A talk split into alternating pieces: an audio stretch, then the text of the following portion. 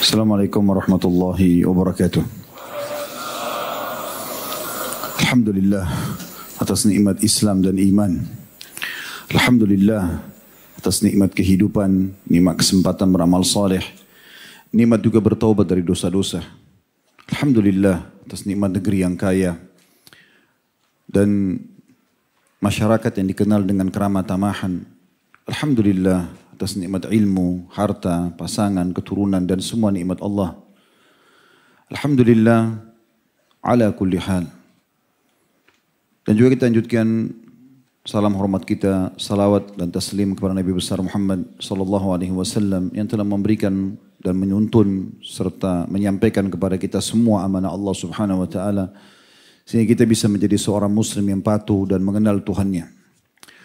Teman-teman sekalian seperti biasa di hari Rabu malam insya Allah kita akan lanjutkan bahasan dosa-dosa besar. Semoga Allah selamatkan kita dari semuanya.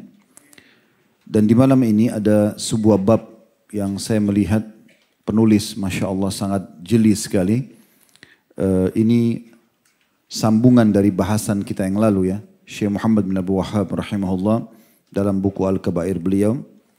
Setelah menjelaskan pada pekan yang lalu bab khusus membahas tentang orang yang berharap dan bertekad untuk mengerjakan dosa dan dia terhenti bukan karena udur syar'i. Artinya pada saat ada kesempatan tetap dia akan lakukan maka termasuk dosa besar. Tergantung kalau dia niat zina berarti misalnya dosa besar maka dapat dosa besar. Kalau dosa kecil maka dia juga akan dapat dosa kecil. Dan sudah panjang lebar kita jelaskan pada pertemuan yang lalu, hampir satu jam setengah kurang lebih. Dan di malam ini ada sebuah bab yang pekah sekali berhubungan dengan tema kita pekan lalu, yaitu kalau yang lalu bab bertekad melakukan dosa, kalau malam ini adalah bab ridho terhadap dosa. Ini poin penting sekali untuk dibahas memang. Dan beliau menghususkan bab ini masuk dalam kategori dosa besar. Ridho terhadap kemaksiatan. Dari bab ini teman-teman sekalian kita akan fokus membahas dua hal yaitu tentang keridoan seseorang yang bersifat pribadi terhadap sebuah dosa. Baik itu dia ridho dengan cara dia menikmati dan terus mengulang-ulangi dosa itu sehingga keridoannya kelihatan. Dia sangat menikmati dosa-dosa itu. Sehingga dia terus mengulang-ulangi zinahnya, dustanya, ribanya, menipunya, memukulnya, menggunjingnya, mencurinya, menipu dan seterusnya. Orang tidak mungkin mengulang-ulang satu perbuatan kecuali karena dia ridho. Satu sisi. Sisi yang lain, dia juga masuk dalam ridho adalah seseorang yang membiarkan perbuatan dosa itu dan sama sekali tidak memungkirinya. Maka ini berarti ridho. Sementara kemungkaran itu nampak depan mata dia. Nah dua poin ini yang akan menjadi fokusan dalam bahasan bab kita. Teman-teman sekalian, dari apa yang kita bacakan dari bab tadi, saya akan coba langsung masuk ke bahasan kita. Sebelum saya baca dalil yang ditulis oleh beliau, karena dalil yang beliau bahas masuk ke poin yang kedua tadi. Tentang masalah orang tidak mengingkari kemungkaran berterido pada maksiat tersebut. Saya akan mulai dari poin pertama dulu, yang tadi saya jelaskan yaitu keridoan secara individual terhadap maksiat. Dengan terus mengulang-ulanginya, atau membiarkan itu terjadi depan mata dia. Ini penting teman-teman sekalian untuk difahami Siapa pun yang ridho dengan kemaksiatan itu, dia merasa puas. Dia merasa ini sebuah prestasi. Karena berhasil menzinai si fulan atau berzina dengan fulan, uh, berhasil menzinai si fulan atau berhasil berzina dengan fulan. Berhasil menipu fulan atau fulana, berhasil memukul, berhasil menghina. Dan dia puas dengan itu, itu dosa. Kalau yang dia sedang puasi itu adalah dosa besar, berarti dia juga masuk dalam dosa besar. Kalau yang sedang dia puasi dosa kecil, berarti dia masuk dalam dosa kecil. Dan Allah subhanahu wa ta'ala melarang kita untuk itu. Dalilnya surah Al-Maidah surah nomor 5 ayat 2 di mana Allah Subhanahu wa taala berfirman A'udzu billahi rajim potongan ayat ya wala ta'awanu 'alal itsmi wal 'udwani wattaqullaha innallaha syadidul iqab Jangan pernah kalian saling dukung mendukung saling ridho terhadap perbuatan dosa dan perbuatan pembangkangan. Dan bertakwalah kepada Allah, takut kepada Allah, hati-hati, jangan hukuman Allah datang. Sesungguhnya Allah sangat keras siksanya. Ini kekal dalam Al-Quran surah Al-Ma'idah ayat 2, potongan ini. Sebenarnya potongannya sebelum ini ada wa ta'awanu 'alal birri wat taqwa Berta bertawunlah kalian, bekerja samalah kalian, dukung mendukunglah kalian dalam ketakwaan dan kebajikan. Lalu Allah mengatakan, wala ta'awan wal ithim wal udwan. Dan jangan pernah saling dukung mendukung, saling ridho, saling bantu membantu, saling membiarkan perbuatan dosa dan kemungkaran. Lalu Allah bilang bertakwa kepada Allah, hati-hati dengan kemungkaran dan kesalahan ini, sesungguhnya Allah sangat keras siksanya. Juga sabda Nabi SAW yang masyhur, man sanna fil islami sunnatan sayyi'atan, kana alaihi wizruha wa wizru man amila biha min ba'dihi min ghairi an yanqusa min auzarihim syai. Hadis sahih riwayat Muslim. Terjemahannya dan siapa yang memberikan contoh terhadap satu perbuatan yang salah maka dia akan panen paha, dia akan panen dosa orang yang mengikutinya atau mencontohinya tanpa dikurangi sedikit pun dari dosa orang yang mengikutinya. Mungkin teman-teman bilang, Ustadz hadith ini korelasinya apa? Kita akan jelaskan panjang lebar. Contoh misal teman-teman sekalian, kalau ada seorang pemimpin atau seorang tokoh atau orang tua, pemimpin perusahaan, pemimpin satu wilayah, pemimpin satu negeri, atau orang tua, dia tokoh, ditokohkan oleh masyarakatnya, ditokohkan oleh organisasi atau lembaganya, atau ditokohkan oleh anak-anaknya kalau orang tua. Dia buat satu perbuatan mungkar. Dan dia ridho dengan perbuatan itu. Dia anggap biasa saja. Dia berzina, dia mabuk, dia narkotika, dia menggunjing orang, dia memfitnah orang. Posisi dia sebagai tokoh.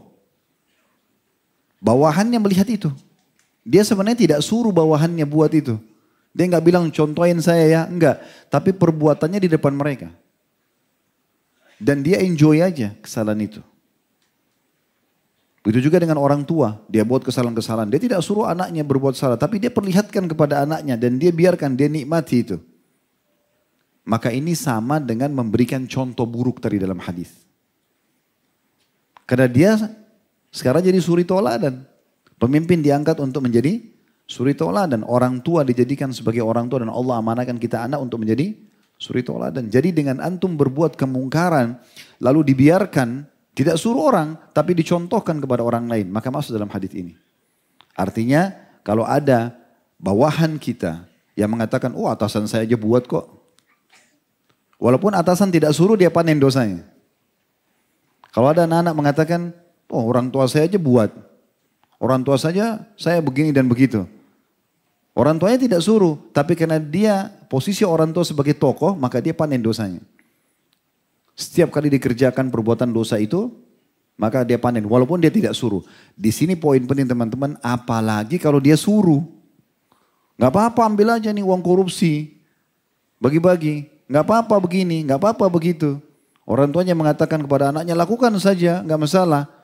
Ayah dukung, ibu dukung, itu lebih besar lagi dosanya. Dia diam saja, tapi posisi dia sebagai tokoh Berarti dia ridho dengan perbuatannya dan akhirnya orang lain bebas mencontohinya. Sudah cukup dia panen dosa semua orang yang mengikutinya.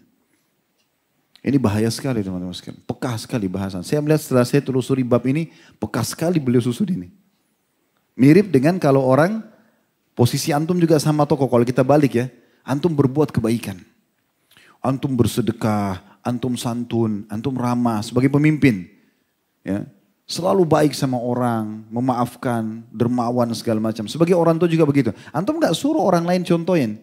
Tapi orang lihat orang jadi contohin. Dapat pahala gak? Dapat pahala walaupun kita tidak menyuruhnya. Karena kita sudah menjadi suri dan Ini istilahnya kalau dalam alam dakwah ini dakwah bilhal. Dakwah dengan keadaan kita. Kadang-kadang keadaan kita kalau kita ikhlas mengerjakan satu perbuatan teman-teman sekalian dari kebaikan itu Allah jadikan contoh buat orang.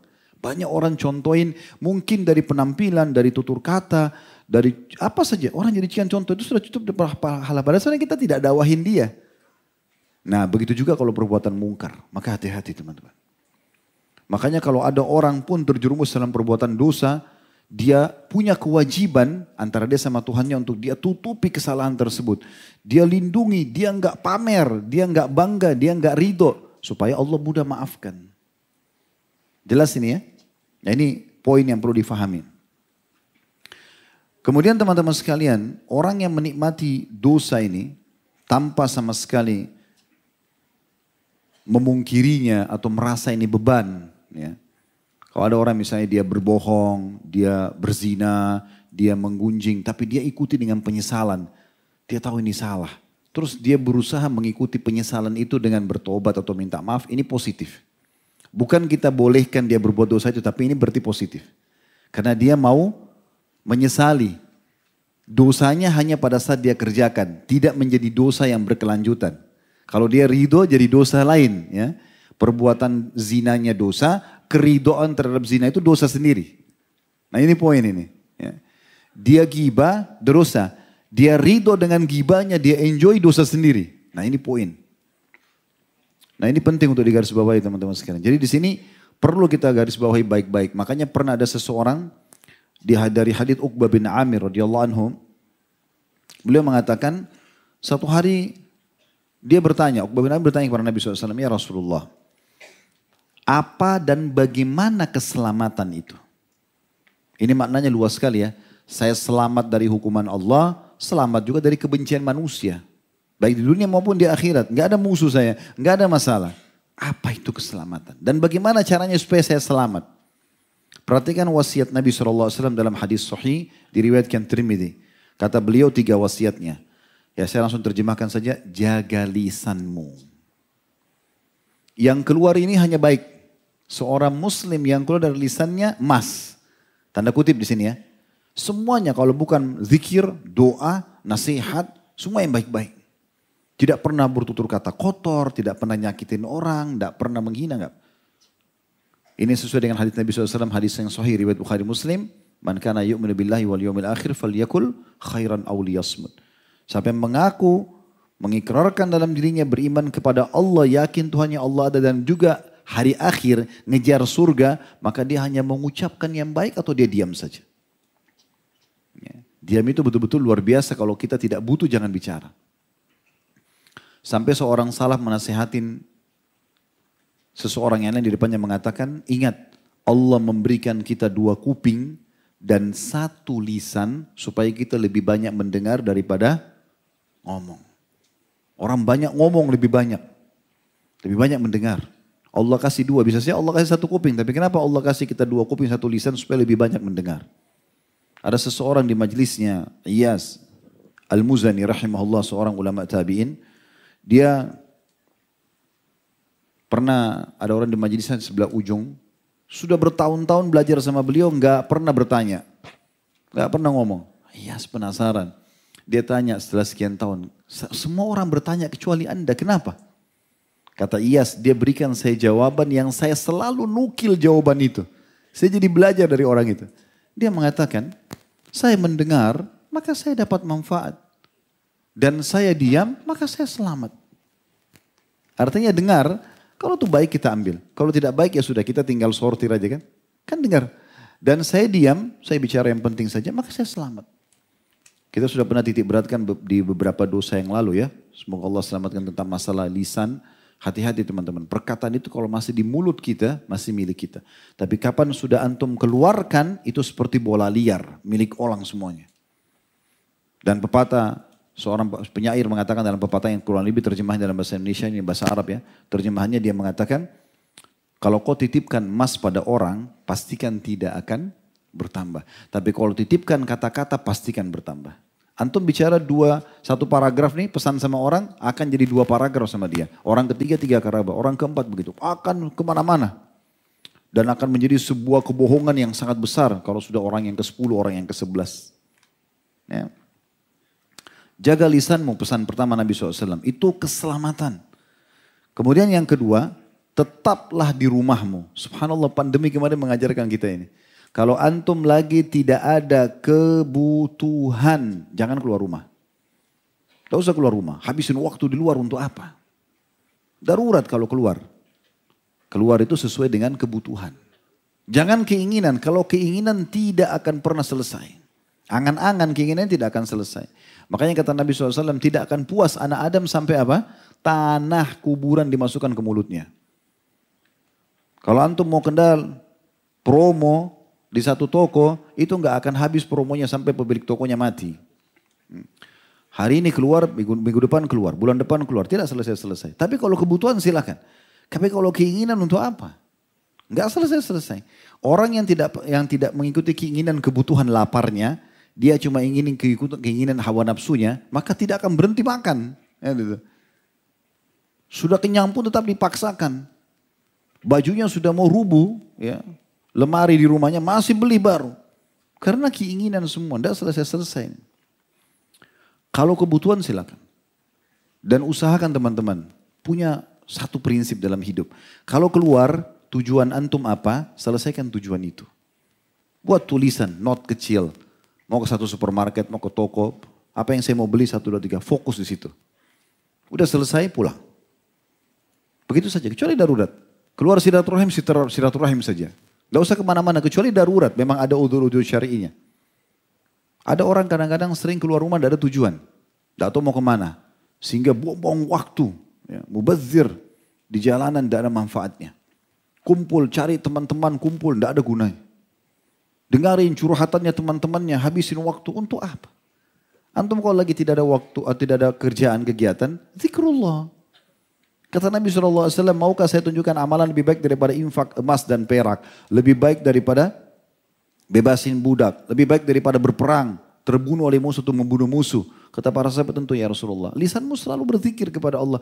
Gunakan kesempatan. Salawat seratus kali, istighfar seratus kali. Banyaknya yang bisa dilakukan. Atau mendengarkan majelis ilmu. Manfaat gitu kan. Sampai seorang salaf dulu kalau dia masuk ke WC maaf. Maka dia suruh anaknya baca kitab di depan pintu WC. Supaya dia dengar. Daripada dia duduk nongkrong diam gitu. Dia dengar apa yang dibaca oleh anaknya. Dia nggak ucapkan apa tapi dia dengar. Oh ada manfaat. Di WC pun mereka cari manfaat. Coba bayangkan. Ada orang subhanallah kadang-kadang lagi silaturahim keluarga. Lagi ada kesempatan untuk majelis ilmu tapi dia sia-siakan. Tetap di rumahmu. Itu wasiat yang kedua. Wasiat yang ketiga ini jadi saksi bahasan kita. Tangisi dosa-dosamu. Ini kata Nabi SAW begitu. Jadi bukan ridho, bukan malah bangga. Oh itu saya sudah pernah tidur sama dia. Oh itu, saya pernah begini. Oh itu, itu dulu. Oh saya sudah coba semuanya. Apa yang mau dibanggakan? Terus dapat apa? Hah? Supaya orang kenal kalau kita dulu itu seorang penjahat, pelaku maksiat. Akhi dan ukhti, maksiat kita sebesar apa pun di masa lalu tutupin akhi dan Jangan justru diceritakan dan banggakan kepada orang. Ya, saya pernah bertemu orang begitu dengan bangganya, oh dulu tuh masa lalu saya semuanya. Terus apa? Saya langsung alihkan wajah saya untuk apa didengarin gitu. Supaya dia tidak cerita. Untuk apa dicerita? Untuk apa berbangga dengan zinanya, dengan 100 perempuan, dengan 30 laki-laki, dengan untuk manfaatnya apa? Harusnya tutup kan? Kalau kita disuruh tutupi aib saudara kita muslim, apalagi aib kita sendiri. Tutupi antara kita sama Allah subhanahu wa ta'ala. Ya. Kata Nabi SAW, Termasuk orang, makna hadisnya termasuk orang yang disegerakan siksaannya atau orang yang buruk di sisi Allah. Ya, salah satu dari potong hadis itu saya lupa awalnya tapi yang jelas maknanya seperti itu. Kata Nabi SAW termasuk orang yang ya, mudah untuk datang siksaan Allah gitu kan atau dapat murka Allah itu orang yang terang-terangan dalam berbuat dosa. Lalu kata Nabi SAW dan termasuk terang-terangan dalam berbuat dosa adalah menceritakan apa yang sudah dia lakukan? Jangan ceritakan, tutupi. Pernah saya jelaskan bahkan dalam masalah rumah tangga pun, tidak usah antum sebagai suami tanya atau sebagai istri nanya, dulu masa lalunya gimana cerita dong. Terus kalau dia bilang, iya saya pernah pacaran sama 100 orang, gimana? Antum gak bisa tidur malam itu. Hah? Untuk apa? Ini orang sekarang depan mata saya, ini istri saya, ini suami saya. Udah selesai ini loh sekarang. Nikmatin saja. Tugas antum jadi suami, antum jadi istri, itu hanya sampai ajal datang. Selebihnya nggak urusan kita. Kan begitu. Jelas nggak ini? Alhamdulillah Allah jadi saksi. Ibnu Qayyim rahimahullah berkata dalam buku beliau yang masyhur Ad-Da'wa Dawa di halaman 70 ya. Kurang lebih terjemahnya jika dosa semakin bertambah maka akan menutupi hati pemiliknya. Jadi kalau dosa itu dia buat nih, kemudian dia ridho, dia ulangi lagi, dia mau dia nikmati dosa itu. Akhirnya dia tidak sadar sebenarnya. Ingat hadis pekan lalu kita sempat bahas yang kata Nabi SAW kalau orang berbuat dosa akan di titik ada titik dalam hati titik hitam dan kalau dia ulangi lagi akan sama terus sampai menutupi semua hatinya dan hatinya bisa lebih keras daripada batu nanti. Susah peringatan sekuat apa pun datang ke depan hadapan dia tidak ada gunanya. Mau gempa bumi, mau bencana, mau tabrakan temannya depan matanya, kepalanya pecah pun dia tidak sadar. Tapi orang subhanallah yang hatinya bersih, penuh dengan keimanan, selalu bertobat kembali kepada Allah. Sedikit saja peringatan Allah sudah langsung mereka kembali kepada Allah Subhanahu wa taala. Nabi Daud alaihissalam cuma Allah uji dia dengan dilempar bangkai depan matanya, langsung beliau ruku sujud kepada Allah taala, langsung sujud sampai Allah turunkan wahyunya kalau itu hanya ujian saja karena takutnya dosa. Ya. Kemudian Ali radhiyallahu juga mengatakan dalam kitab Al-Jawabul Kafi di halaman 87 ini diukil juga oleh Ibnu Qayyim rahimahullah perkataan beliau, Ali radhiyallahu anhu, "Ma nuzzila bala'un illa bidham." Ketahuilah tidak ada bala, nggak ada cobaan, nggak ada gangguan yang turun kepada seseorang kecuali karena dosa. Jadi sadari ini teman-teman, setiap perbuatan dosa bisa mendatangkan bala, lalu untuk apa? Gitu kan? Sudah kita jelaskan perbuatan yang lalu, Dosa itu untuk dipelajari dan dijauhi. Amal soleh untuk dipelajari dan dikerjakan. Dan tidak ada yang bisa mengubah kita menjadi orang yang lebih patuh, meninggalkan dosa, itu kecuali diri kita sendiri. Kami di majelis ilmu begini cuma bisa teriak-teriak, ngomong gini, pakai mikrofon, antum dengar, antum sendiri yang tentukan. Harus kita ubah diri kita menjadi orang yang lebih baik. Dan tidak usah peduli dengan perkataan orang, sering saya katakan itu. Kata beliau, manuzzila bala'un illa bidham. Tidak ada bala yang turun Allah datangkan kepada seseorang kecuali karena dosa. Wala rufi'a bala'un illa bitaubah. Dan ketahuilah tidak ada yang bisa mengangkat bala ujian apa pun. Jadi teman-teman yang hadir sini punya merasa ada ujian dalam dirinya. Antum mau angkat itu, ini wasiat Ali.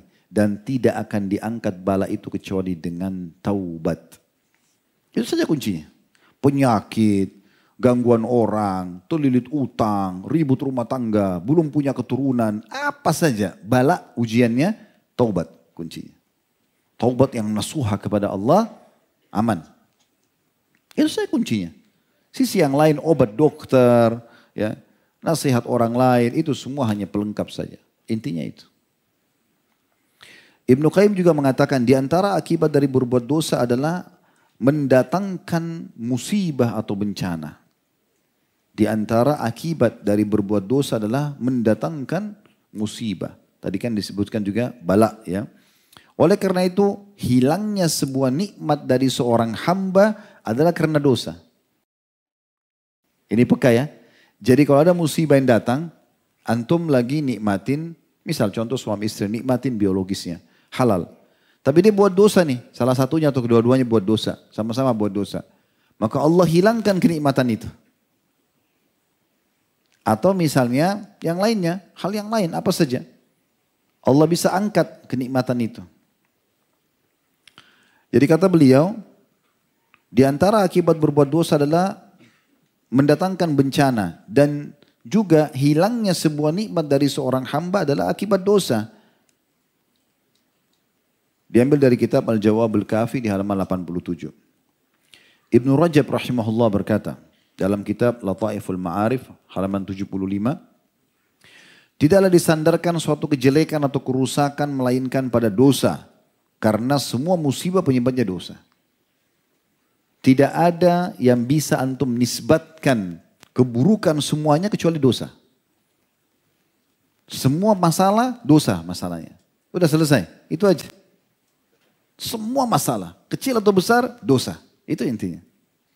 Kata beliau, tidak tidaklah disandarkan semua kejelekan atau kerusakan melainkan pada dosa. Karena semua cobaan, semua musibah penyebabnya adalah dosa. Selesai. Sederhananya begitu. Ya. Jadi apa pun yang sedang datang kepada kita sebagai ujian yang kita rasakan teman-teman, yang paling pertama ya, introspeksi diri dulu. Istighfar kepada Allah. Tidak usah cari kenapa orang ini gibah saya, kenapa orang ini fitnah saya, kenapa orang ini ambil barang saya, kenapa orang ini tidak bayar utang, kenapa orang ini sakit di saya. Lupain semua itu. Karena itu semua datang sebabnya dari antum. Dosa dari sini. Istighfar kepada Allah, taubat. Kalau perlu sholat taubat, tulus kepada Allah SWT. Selesai semua itu. Itu intinya sebenarnya. Kalau antum pulang malam ini bawa poin ini selesai. Ini poin pentingnya. Dan subhanallah ada sebuah poin saya ambil dari apa yang tadi saya sampaikan itu. Setelah disusun dari beberapa poin yang Allah mudahkan tadi. Kenikmatan sebuah nikmat itu justru memuncak. Ini perkataan saya teman-teman ya. Saya melihat kenikmatan sebuah nikmat memuncak dan maksimal di saat dosa-dosa dan pelanggaran dijauhi. Contoh misal, saya kembali ke hubungan biologis suami istri. Ini yang bujang-bujang mohon maaf sudah, Pak boleh buat. Ya. Jadi kalau orang hubungan suami istri misalnya di sini yang sudah berumah tangga rasakan kenikmatan. Kenikmatan itu akan memuncak dan bertambah di saat antum jauhi dosa. Coba antum muhasabah, introspeksi diri, apa nih masalahnya? Ada dosa nggak yang saya lihat? Dari tontonan, dari hal yang didengar, dari jaman tangan, dari pekerjaan. Coba antum muhasabah. Kalau antum bisa perbaikin itu, kenikmatannya akan memuncak. Akan lebih naik lagi, lebih nikmat lagi. Allah datangkan di situ. Antum, antum heran, loh kok bisa ya pasangan saya lebih puaskan saya? Kok bisa? Itu Allah datangkan. Kenikmatan makanan, kenikmatan minuman, kenikmatan kedudukan, kenikmatan semuanya itu akan memuncak di saat antum jauhi dosa. Luar biasa puncaknya itu. Bahkan banyak mara bahaya, berapa banyak mara bahaya yang diselamatkan darinya seseorang justru karena dia menjauhkan diri dari dosa-dosa itu. Baik, ada hal yang saya ingin tambahkan teman-teman sekalian dalam hal ini. Ada hadis Al-Ursh atau Al-Urs ya. Bin Amir Al-Kindi radhiyallahu anhum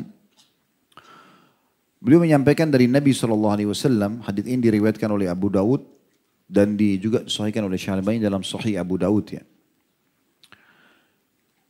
Beliau mengatakan kata Nabi SAW, "Idza umilatil khati'atu fil ard."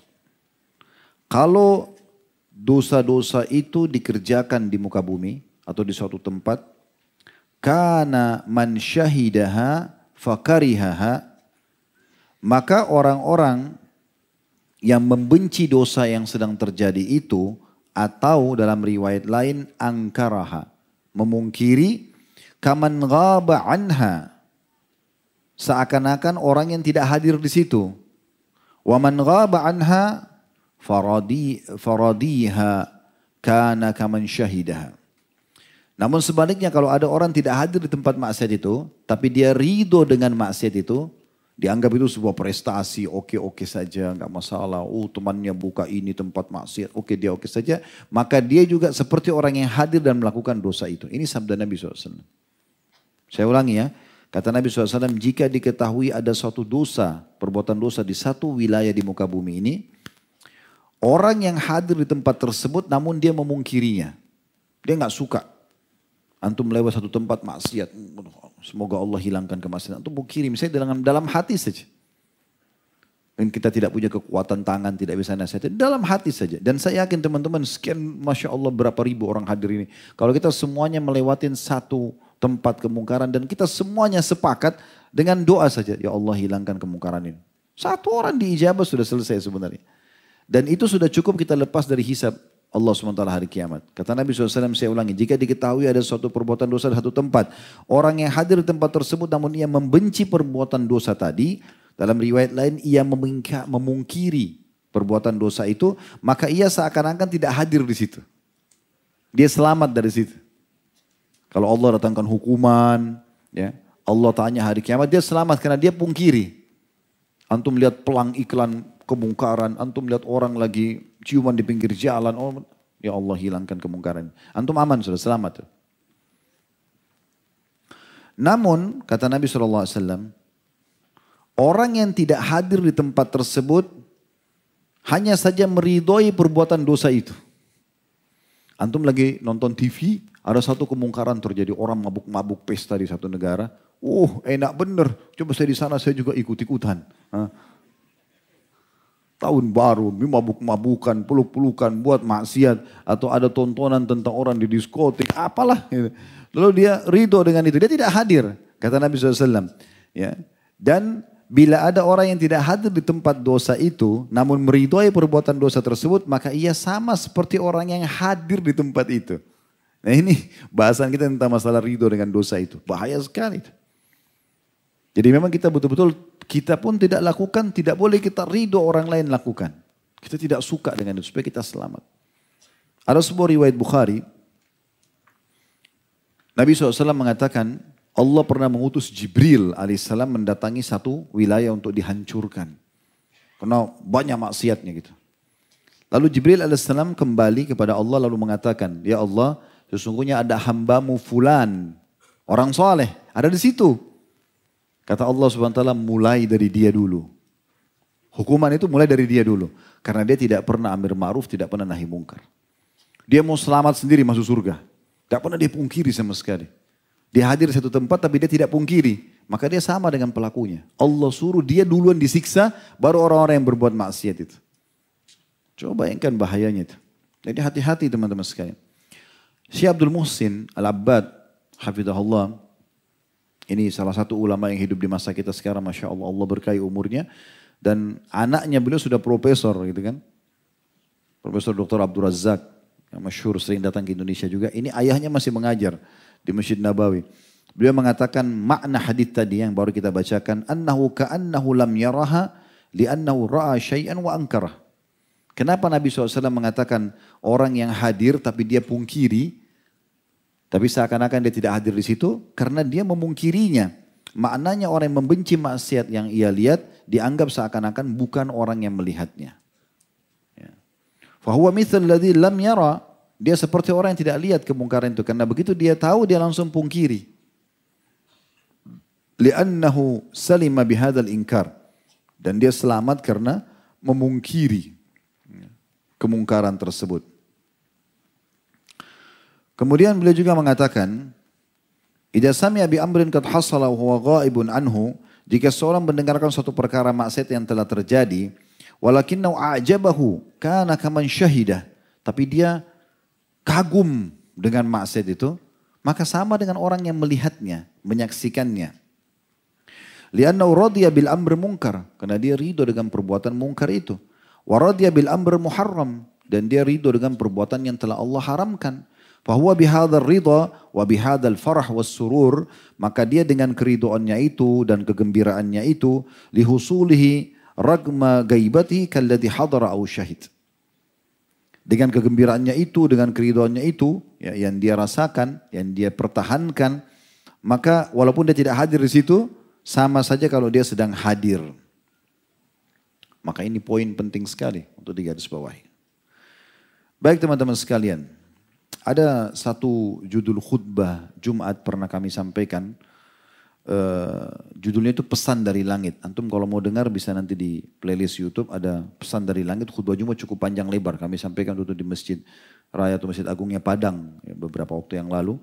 Saya coba uh, angkat kembali beberapa poin di situ karena temanya mirip. Memang judulnya pesan dari langit gitu ya. Dalil pertama yang saya angkat pada saat itu teman-teman sekalian dengan izin Allah surah Al-A'raf surah nomor 7 ayat 96. Ini berkaitan dengan bahasan kita. Nanti kita tadaburi maknanya. Allah berfirman Al-A'raf surah nomor 7 ayat 96. Walau anna ahlal qura amanu wattaqau lafatahna alaihim barakati minas samai wal ardi walakin kadzabu fa akhadnahum bima kanu yaksibun. Jikalau sekiranya penduduk negeri itu beriman dan bertakwa. Kita ini semuanya coba beriman kepada Allah dan bertakwa. Patuh aja.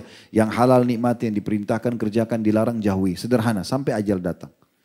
Kalau penduduk negeri seperti itu, kata Allah SWT, pastilah. Pasti, bukan cuma biasa, pasti. Kami akan limpahkan kepada mereka keberkahan dari langit dan juga bumi. Kecukupan. Tapi sayangnya mereka mendustakan atau meragukan ayat-ayat kami, maka kami siksa mereka disebabkan perbuatan mereka. Jadi pilihannya antum beriman dan bertakwa, dapat keberkahan, atau bermaksiat dapat hukuman. Sudah selesai. Yang mana antum mau pilih? Ya. Allah subhanahu wa ta'ala juga memastikan teman-teman sekalian di dalam surah Hud surah nomor 11 ayat 117 ini sudah sering kami ulangi ayat ini tapi kami ingatkan lagi malam ini Hud surah nomor 11 ayat 117 wa ma kana rabbuka liyuhlikal qura bidzulmin wa ahluha muslihun dan ketahuilah hai Muhammad Tuhanmu sekali-kali tidak akan membinasakan negeri-negeri secara zalim Gak mungkin Allah datangkan gempa, banjir, tsunami, segala macam. Gak mungkin secara zalim, tanpa sebab. Gak mungkin. Ya. Sementara penduduknya berbuat kebaikan. Ini Allah yang bilang, bukan saya. Saya cuma sampaikan. Antum bisa lihat surah Hud ayat 117. Allah bilang tidak mungkin Tuhan Muhammad sekali-kali, sekalipun tidak mungkin.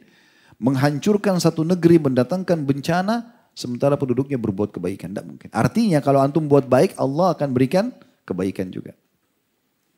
Dalam surah Al-Qasas, surah nomor 28 ayat 59, Allah juga berfirman.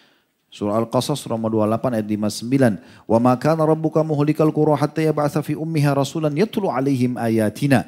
Wa ma kunna muhlikil qura illa wa ahluha zalimun. Ya. Dan tidaklah ya, Tuhan membinasakan kota atau negeri sebelum dia mengutus di kota atau negeri itu seorang rasul yang membacakan ayat-ayat kami pada mereka dan tidak pula kami membinasakan kota-kota atau negeri kecuali penduduknya dalam dalam keadaan melakukan kezaliman atau berbuat dosa. Yang dimaksud sini diutus Rasul adalah diutus utusan Allah SWT. Tapi sekarang sudah selesai Nabi Muhammad SAW sudah diutus seperti para ulama dan da'i yang menyambung ya, penyampaian beliau. Kemudian juga dalam surah Al-An'am Surah nomor 6 ayat 131. Allah berfirman, "Dzalika allam yakur rabbuka muhlikal qura bidzulmin wa ahluha ghafilun." Demikianlah para rasul diutus kata Allah SWT. Karena Tuhanmu tidak akan membinasakan satu negeri dengan zalim. Datang wabah, datang musibah, datang segala macam secara zalim nggak mungkin. Ya. Sedang penduduknya dalam keadaan lengah. Apalagi belum tahu gitu. Kemudian juga Allah subhanahu wa ta'ala mengingatkan kepada kita agar kita hati-hati. Coba renungi ayat-ayat ini teman-teman ya. Ini ayat-ayat ini berurut satu sama yang lain. Allah subhanahu wa ta'ala berfirman begini. Afa amina ahlul qura ayyatihum ba'suna bayatan wa hum naimun. Apakah penduduk-penduduk negeri yang terus berbuat dosa itu merasa aman dari kedatangan siksaan kami kepada mereka di malam hari pada saat mereka tidur. Orang-orang yang buat dosa ini, mereka aman gak pada saat lagi tidur tiba-tiba mati, tiba-tiba runtuh bangunan. Itu Allah mengatakan, apakah penduduk negeri itu yang berbuat dosa merasa aman dari kedatangan siksaan kami di, di malam hari pada saat mereka tidur? Ayat 98-nya, Awa amina ahlul ba'suna duham wa hum yal'abun. Apakah penduduk negeri itu merasa aman dari kedatangan siksaan kami kepada mereka di waktu duha? Waktu mereka beraktivitas. Dan sedang, di, di waktu duha atau pagi hari sedang mereka bermain-main. Ayat 99-nya. Afa aminu makrallah fala ya'manu makrallah illal qawmul khasirun. Maka apakah mereka merasa aman dari adab Allah yang tidak terduga-duga? Tidak ada yang merasa aman dari adab Allah kecuali kaum yang merugi ayat 100-nya. Awalam yahdi lil ladina yarithuna al-arda min ba'di aliha allau nasha'u asabnahum bidhunubin wa natba'u ala qulubin fahum la yasma'un. Dan apakah belum jelas bagi orang-orang yang mempusakai satu negeri sesudah lenyap penduduknya bahwa kami akan menghendaki bila kami kehendaki kami akan azab mereka karena dosa-dosa dan kami kunci mata hati mereka sehingga mereka tidak dapat mendengar dan mengambil pelajaran. Berulang kali Allah datangkan peringatan-peringatan teman-teman kepada kita. Semua itu untuk menakut-nakuti memang. Kayak kita takut ketahuan kalau mau buat dosa secara individu. Atau datangnya musibah-musibah yang besar. Itu semua untuk memang Allah takut-takutin kita. Itu Allah sebutkan dalam Al-Quran. Antum bisa lihat dalam surah Isra. Surah nomor 17 ayat 59. Surah nomor 17 ayat 59 Allah berfirman, "Wa nursilu bil ayati illa takhwifa." Dan kami tidak memberikan tanda-tanda kebesaran kami itu kecuali untuk menakut-nakuti. Petir, guntur, bencana segala macam itu. Kemudian juga dalam surah At-Taubah surah nomor 9 ayat 126 Allah juga berfirman ayat 126 surah At-Taubah afala yarawna annahum yuftanuna fi kulli amin marratan aw marrataini thumma la yatubuna wa lahum Tidakkah mereka memperhatikan bahwa mereka diuji sekali atau dua kali setiap tahun dan mereka juga tidak bertaubat dan tidak mengambil pelajaran? Jadi Allah ingatkan, gitu kan. Kemudian dalam surah As-Sajdah surah nomor 32 ayat 21 juga Allah berfirman, As-Sajdah 32 ayat 21. "Walanudhiqannahum minal adzabil adna dunal adzabil akbari la'allahum yarji'un." Dan kami pasti akan memberikan kepada mereka sebagian azab kami di dunia sebelum datang azab yang besar agar mereka kembali ke jalan yang benar. Kemudian surah Yunus surah nomor 10 ayat 13.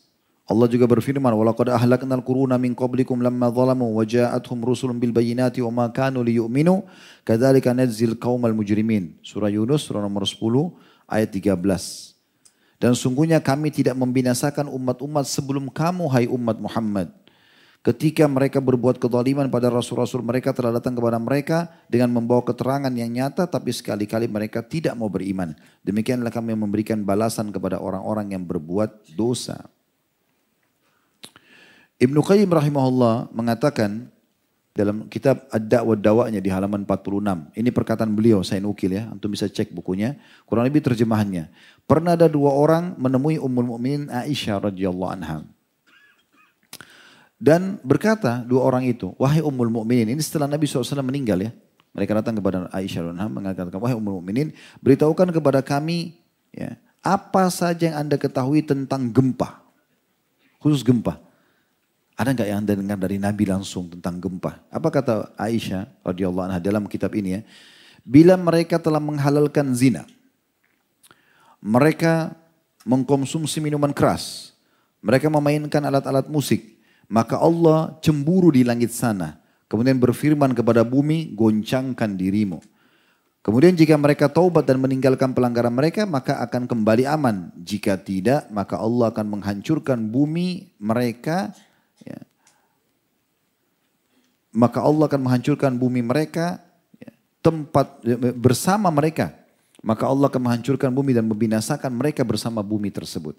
Ini perkataan Aisyah radhiyallahu anha.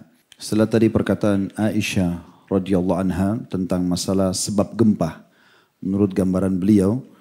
Kemudian teman-teman sekalian kalau pernah dengar tentang kaum Nabi Yunus ya. Pernah dengar? Wilayahnya Nainawa di wilayah Irak. Itu satu-satunya negeri yang Allah sudah datangkan tanda-tanda bencananya, hukumannya sudah mulai gelap langit, turun hujan, sudah mulai bumi bergetar dan mengeluarkan air. Di saat itu mereka bisa selamat. Satu-satunya kaum yang Allah sudah datangkan hukuman, tapi mereka bisa selamat cuma kaumnya Nabi Yunus. Ada sebabnya. Semua kaum Nabi Lut, kaum Nabi Shu'aib, kaum Nabi Saleh, semua Allah binasakan, hancur. Kaum Nabi Lut ya. Tapi kaum Nabi Yunus selamat. Perhatikan Allah sebutkan di dalam Al-Quran ya. Dalam surah Yunus ayat 98. Surah nomor 10 ayat 98. Bunyinya falaula kanat qaryatun amanat fanafa'aha imanuha illa qauma Yunus lamma amanu kashafna anhum adzabal khizyi fil hayatid dunya wa matta'nahum ila. Dan mengapa tidak ada penduduk suatu negeri yang beriman lalu imannya bermanfaat untuknya selain kaum Yunus. Tak kala mereka beriman maka kami angkat atau jauhkan dari mereka azab yang menghinakan di kehidupan dunia dan kami berikan kesenangan kepada mereka sampai waktu tertentu. Apa maknanya ayat ini teman-teman? Jadi waktu Nabi Yunus alaihissalam meninggalkan kaumnya karena mereka didakwahi tidak mau dengar, Dua sisi, kaumnya tidak mau dengar, mereka salah. Ya. Kan? Sisi yang lain, Nabi Yunus juga tanda kutip sini keliru, karena beliau tinggalkan lokasi dakwah sebelum ada perintah Allah. Jadi akad antara Nabi-nabi dan Allah subhanahu wa ta'ala di antaranya adalah mereka tidak boleh tinggalkan lokasi dakwah sampai Allah suruh mereka pindah. Contoh kaum eh, Nabi Ibrahim AS pada saat Allah memang suruh perintahkan beliau pindah tinggalkan negara Irak, Babilonia. Karena ada Namrud yang tidak mau beriman, baru beliau pindah hijrah ke Palestina. Nabi Musa alaihissalam pada saat mereka Fir'aun tidak mau beriman, Allah pindahkan mereka ke Palestina. Nah itu karena ada perintah. Tapi Nabi Yunus tidak. Beliau mohon-mohon kepada Allah, ya Allah kaum ini tidak mau dengar, mereka tetap sembah berhala, berikan saya lokasi lain. Allah belum kasih jawaban. Tapi inisiatif dari beliau, beliau tinggalkan lokasi dakwanya. Akhirnya beliau dihukum sama Allah kan, kisah yang masyhur. Beliau coba naik kapal, akhirnya Allah buat kapal itu dihantam dengan ombak. Sebab Allah datangkan, akhirnya kapten kapalnya mengatakan sepertinya tidak bisa ini. Harus beban kapal harus dikurangi karena ombak terlalu kuat. Mereka keluarkan barang-barang mereka tidak cukup. Hanya mereka bilang harus ada orang yang dibuang. Setiap diundi nama pasti namanya Nabi Yunus yang keluar. Nah pada saat beliau sudah dua tiga kali diundi karena waktu saat yang pertama keluar yang kedua keluar orang-orang mengatakan kami tahu ini Nabi. Belum mungkin bukan dia, biarkan kami. Kalau nama seorang dari kami yang keluar kami mau dilempar gitu. Tapi tetap saya nama Nabi Yunus yang keluar. Setelah yang ketiga kali Nabi Yunus mengatakan mungkin ini memang peringatan dari Allah karena saya tinggalkan Nainawa. Maka beliau loncat ke laut, begitu loncat ditelan oleh ikan. Ini masyhur kata Allah SWT Al-Quran kalau dia bukan termasuk orang yang banyak berzikir kami akan biarkan dia di perut ikan tersebut sampai hari kebangkitan kan gitu. Tapi ringkas cerita kita tidak bicara Nabi Yunusnya. Nabi Yunus SAW akhirnya bertobat kepada Allah mengucapkan di perut ikan tersebut La ilaha illa anta subhanaka ini kuntu minal zalimin berulang sampai Allah muntahkan dia dari mulut ikan tersebut lalu kemudian Allah kembalikan dia ke Nainawa. Tapi negeri Nainawa ini jadi saksi bahasan kita. Jadi waktu Nabi Yunus tinggalkan, Nabi Yunus dihukum sama Allah, kaum ini pun dihukum. Karena mereka tidak mau beriman kepada Nabi Yunus AS, Allah datangkan badai, Allah datangkan uh, mendung, hujan deras. Mereka coba berlari. Seperti umumnya orang kalau mau datang siksaan melarikan diri dari gempa, dari bencana segala macam.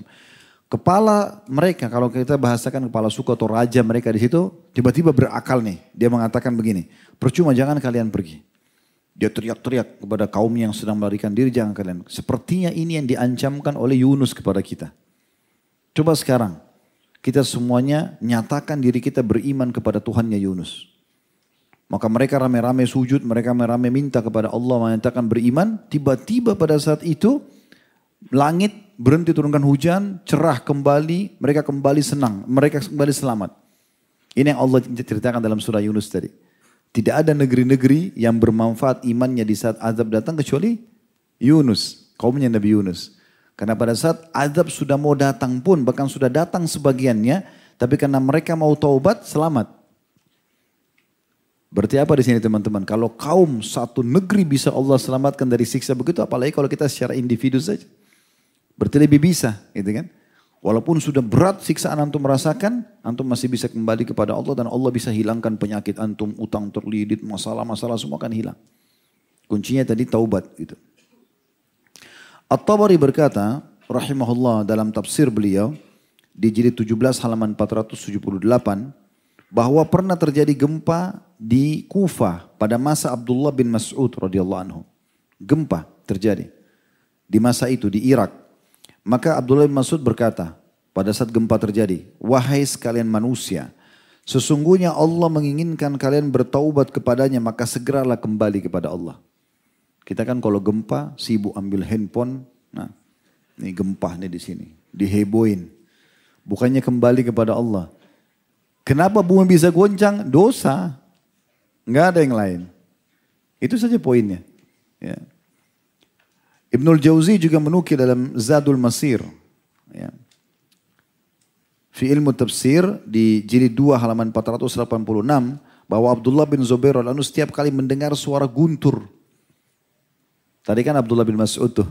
Kalau gempa, dia ingatkan hai manusia sadarlah Tuhan kalian ingin kalian tobat dengan guntur, dengan gempa ini. Kalau Abdullah bin Zubair setiap kali dengar guntur, kita kan biasa kalau musim hujan dengar guntur. Sebentar lagi masuk musim hujan kita dengar guntur. Maka beliau mengatakan, Innahu wa'idun syadidun li ahlil ard. Ketahuilah ini peringatan yang sangat jelas dan keras ya kepada pembunuh bumi. Jadi ini artinya bukan sembarangan ini. Ini pasti ada sebabnya suara guntur menggelegar begitu tuh. Itu bukan cuma sekedar fenomena alam. Kita bukan orang ateis. Kita orang beriman kepada Allah, kita tahu ada Tuhan kita yang mengatur semua alam semesta ini. Maka ada sebabnya kenapa guntur itu datang. Abdullah bin Zubair memberikan pelajaran kepada kita dan itu disebutkan oleh Ibnu Qayyim al-Jauzi atau Ibnu Jauzi rahimahullah bahwasanya ini adalah peringatan tegas dan keras dari Allah yang ada di langit sana kepada penduduk bumi. Harus segera taubat. Kemudian teman-teman sekalian, Ali bin Abi Thalib juga berkata, yang aneh adalah ada orang yang binasa padahal bersamanya keselamatan. Yang aneh ada orang yang tidak sembuh penyakitnya, tidak lunas utangnya, tidak diberikan keturunan, tidak dapat pasangan, tidak berhasil usahanya, tidak berhasil kuliahnya, sementara keselamatan ada sama dia. Yang aneh adalah orang binasa padahal keselamatan bersamanya. Orang bisa terkena gempa, banjir, penyakit kronis, kemiskinan dan kesusahan hidup padahal keselamatan bersama mereka. Maka orang-orang di sekitarnya bertanya, apa yang anda maksudkan? Kata Ali radhiyallahu anhu, istighfar. Itu keselamatannya. Jadi semua permasalahan kalian kembali ke satu. Dosa. Istighfar kata kuncinya. Taubat kata kuncinya. Ini disebutkan dalam buku Al-Mujalah sama Mujawahir Al-Ilm. Di Ad-Daruni. Kata ada rahimahullah juga berkata, sungguh Al-Quran menunjukkan kepada kalian penyakit dan sumber permasalahan. Berikut obatnya. Al-Quran menyampaikan kalian semua sumber penyakit kalian, semua sumber masalah kalian, dan berikut juga obatnya. Penyakit kalian semuanya berputar di sini. Adalah dosa dan obatnya istighfar. Nah ini poin yang kita ini sampaikan. Ini pesannya. Ini disebutkan oleh tafsir Ibnu Katsir dalam tafsir beliau di jilid 7 halaman 2319. Ya. Kalau yang mau berminat lebih banyak mendengarkan tentang apa yang tadi dalil-dalil itu dan cukup lebih panjang lebar penjelasannya ada di kajian khutbah Jumat sebagaimana saya bahasakan. Baik ini baru poin pertama ya, kita coba masuk ke poin kedua, mungkin lebih ringkas poin keduanya. Tadi saya bilang judul kita mengandung dua makna ya. Makna yang pertama adalah orang yang tidak mengingkari kemungkaran, apa orang yang ridho dengan perbuatan dosa. Ya, dia puas, dia menikmati dosa-dosa, bukan dia menyesal. Nah ini semua tadi panjang lebar penjelasannya. Yang kedua teman-teman adalah apa yang diinginkan oleh penulis di sini. Yaitu dia tidak ingkar mungkar terhadap perbuatan maksiat tersebut. Nah ini berarti perbuatan orang lain. Kalau tadi kan dia secara pribadi. ya dia ridho dengan perbuatannya, dia puas, dia malah berbangga-bangga dengan cerita maksiatnya. Nah ini tadi yang sudah kita panjang lebar jelaskan. Itu poin. Poin yang lain adalah masuk dalam masalah ini dan ini yang beliau titik beratkan adalah orang yang tidak mengingkar mungkar. Baik, beliau mengangkat hadis Nabi alaihi salatu diriwayatkan oleh Al-Haythami dalam kitab Al-Majma' jilid 7 halaman 275 dan menisbatkannya kepada At-Tabarani. Ya. Dan beliau mengatakan semua perawi hadisnya thiqah, terpercaya atau sahih.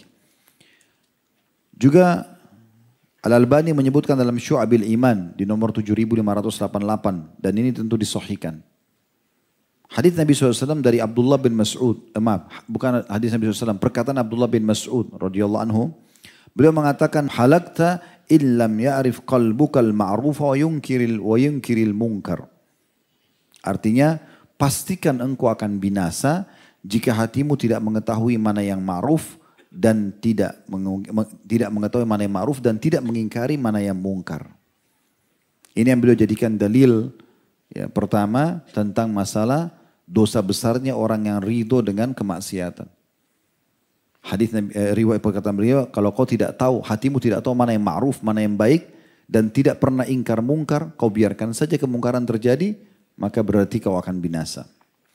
Juga diriwayatkan oleh Imam Muslim dari Abdullah bin Mas'ud radhiyallahu anhu masih perkataan Abdullah uh, apa riwayat dari Abdullah bin Mas'ud tapi ini sahabat Nabi sallallahu alaihi wasallam beliau mengatakan ma min nabiyyin ba'athahu fi ummatin qabli tidak ada nabi-nabi yang diutus untuk umat sebelumku kata Nabi SAW. Illa kana lahu min ummati hawariyuna wa ashabun ya'khuduna bisunnati wa yaktaduna bi amrih. Kecuali pasti nabi-nabi tersebut ada di kalangan pendamping-pendampingnya, umatnya ya, yang hawari, eh, kayak pengikut setia. Dan para sahabat-sahabatnya mengambil sunnahnya dan meneladani perintahnya. Thumma innaha takhlufu min ba'dim khulufun yakuluna ma la yaf'aluna wa yaf'aluna ma.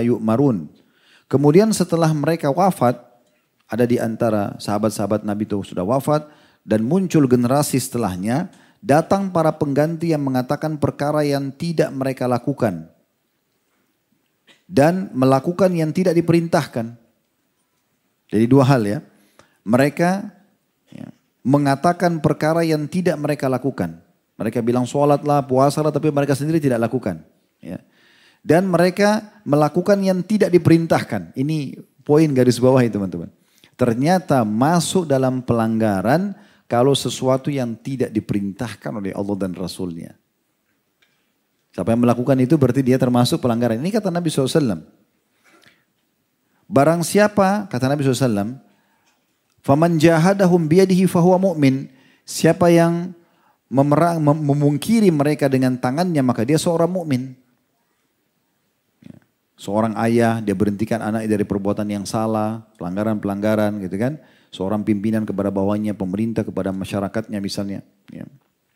Maka dia orang beriman. Wa man jahadahum bilisani fahuwa mu'min. Siapa juga yang memungkiri kemungkaran mereka itu dengan lisannya maka dia juga termasuk seorang mukmin. Wa man jahadahum biqalbi fahuwa mu'min. Dan siapa yang memungkiri dengan hatinya maka dia juga adalah orang mukmin. Walaysa wara' dzalika minal imami habbatu khardal. Dan ketahuilah tidak ada lagi keimanan sebesar biji sawi pun selain itu. Saksi bahasan kita teman-teman dari hadis ini adalah masuk dalam bab ini tentang masalah orang yang ridho dengan kemaksiatan. Dia tidak mungkar, dia tidak ingkar mungkar. Dia tidak luruskan. Kalau bisa dengan tangan, dia lakukan. Kalau tidak, maka dengan lisan. Kalau tidak, maka dengan hatinya. Ya, ikut kembali seperti hadis yang masyur Man ra'a minkum munkaran fayughayyiru biyadihi siapa yang datang mungkaran dia harus ubah dengan tangannya fa in lam yastati fa bilisani kalau tidak mampu maka dengan lisannya fa in lam yastati fa dan kalau tidak mampu maka dengan hatinya wa dzalika adhaful iman dan itu selemah-lemah iman. Jadi jangan pernah antum lewatin satu kemaksiatan kecuali pungkiri. Supaya kembali tadi ke statement yang sudah kita sampaikan ya. Hadis Nabi SAW sebelumnya. Kalau antum biarkan, berarti antum seakan-akan juga meridohi, mendukung. Minimal dalam hati. Katakan ya Allah, ya hilangkan kemungkaran ini. Gitu kan? Supaya antum lepas dari tanggung jawab di sisi Allah Subhanahu wa taala. Apalagi amar ma'ruf nahi mungkar ini yang wajib yang pertama. Ada orang tidak sholat, antum bilang sholat akhi, sholat ukhti. Udah, antum gugur tanggung jawabnya setelah itu. Yang kedua, yang ketiga sunnah. Orang buat salah, zina, riba, antum nasihat ini nggak boleh, ini haram. Sudah gugur tanggung jawab antum. Tapi jangan sama sekali nggak dipungkiri. Sehingga saya ada sebuah athar disebutkan, kalau orang yang berbuat mungkar itu tidak diingatkan, maka dia akan datang di depan Allah di mahkamah Allah di kiamat sambil mencekik orang yang melihatnya itu sambil mengatakan, Ya Allah orang ini lihat saya buat mungkar, dia tidak pungkiri maka saya tuntut dia sekarang. Jadi orang yang buat salah itu kalau kita tidak pungkiri, dia malah tuntut kita hari kiamat. Dia biarkan saya salah ini. Nah, gitu.